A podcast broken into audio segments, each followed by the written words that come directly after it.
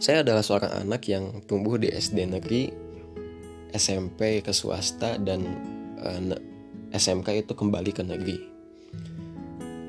SD yang udah mengenal teman sekelas saya sendiri itu masuk ke geng motor, mereka udah tawuran, udah perang sana sini dengan orang dewasa membawa senjata dan lain-lain. Ya.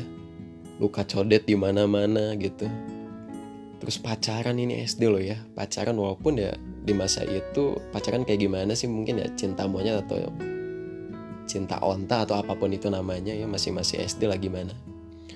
Terus alkohol nih yang masya Allah itu parah banget.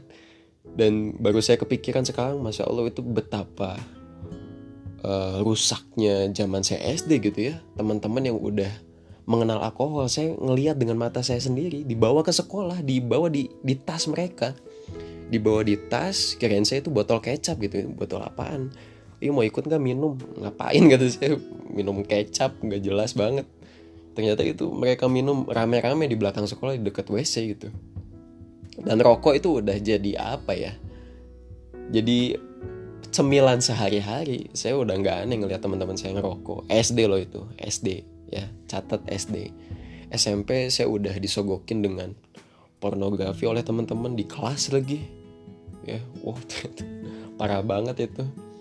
Dan apa ya diajak uh, ngehamburin uang sebanyak mungkin untuk game. Wah itu lagi gila-gilanya game tuh di situ di SMP tuh. Sampai akhirnya alhamdulillah bisa berhenti karena saya diusir dari rumah tuh sama ibu. SMK itu saya udah ngeliat teman-teman saya yang pacaran itu dengan tanpa batas masya allah. Itu zona yang sangat bahaya sekali. Untungnya saya nggak sampai mengalami itu ya. Masya allah allah paling saya dilindungi gitu. Ini benar-benar pemandangan yang mengerikan setelah saya pikir-pikir ulang uh, sekarang saya mengingat hal-hal itu dulu dan itu udah uh, terlewat saya lulus aja lima tahun lalu itu berarti SD aja udah berapa 10 eh, tahun yang lalu itu kurang lebih. Dan itu di zaman itu loh. Saya nggak kebayang sih sekarang SD zaman sekarang kayak gimana. SMP itu udah serusak apa? SMK masa-masa SMK sekarang itu udah sebejat apa? Lingkungan di luar gitu ya. Pergaulan dan pengaruh cobaan di luar itu seperti apa? Itu masya Allah sangat bahaya sekali sampai akhirnya alhamdulillah ketika saya udah lulus saya mondok. Allah paring semenjak itu ya semenjak itu saya dibebaskan dari lingkungan yang tidak karuan.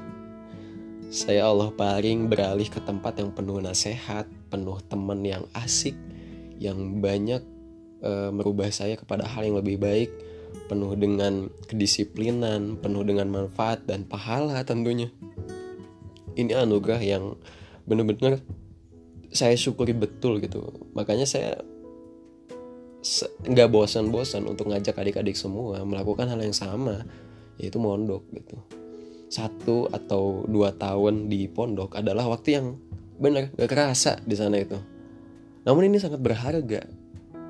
Tempat penuh kenangan itu berikan banyak bekal banget buat saya untuk menghadapi masa depan yang jauh lebih rumit, cobaan, halangan, masalah dan lain-lain. Tapi saya dapat banyak bekal gitu. Ketika saya dipikir-pikir lagi, masya Allah banyak sekali. Dan kalau pondok itu adalah tempat yang buruk, nih ngapain juga saya buat konten capek-capek kayak gini malah kalau itu adalah hal yang buruk malah nambah dosa gitu. Maka dari itu uh, saya di sini pesen ayo bagi adik-adik yang ingin belajar agama lebih dalam terhindar dari pergaulan yang sangat mengerikan di zaman ini sempatkanlah satu atau dua tahun.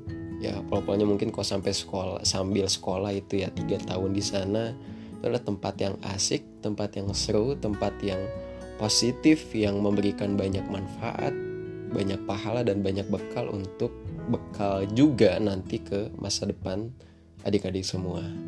Yuk, mondok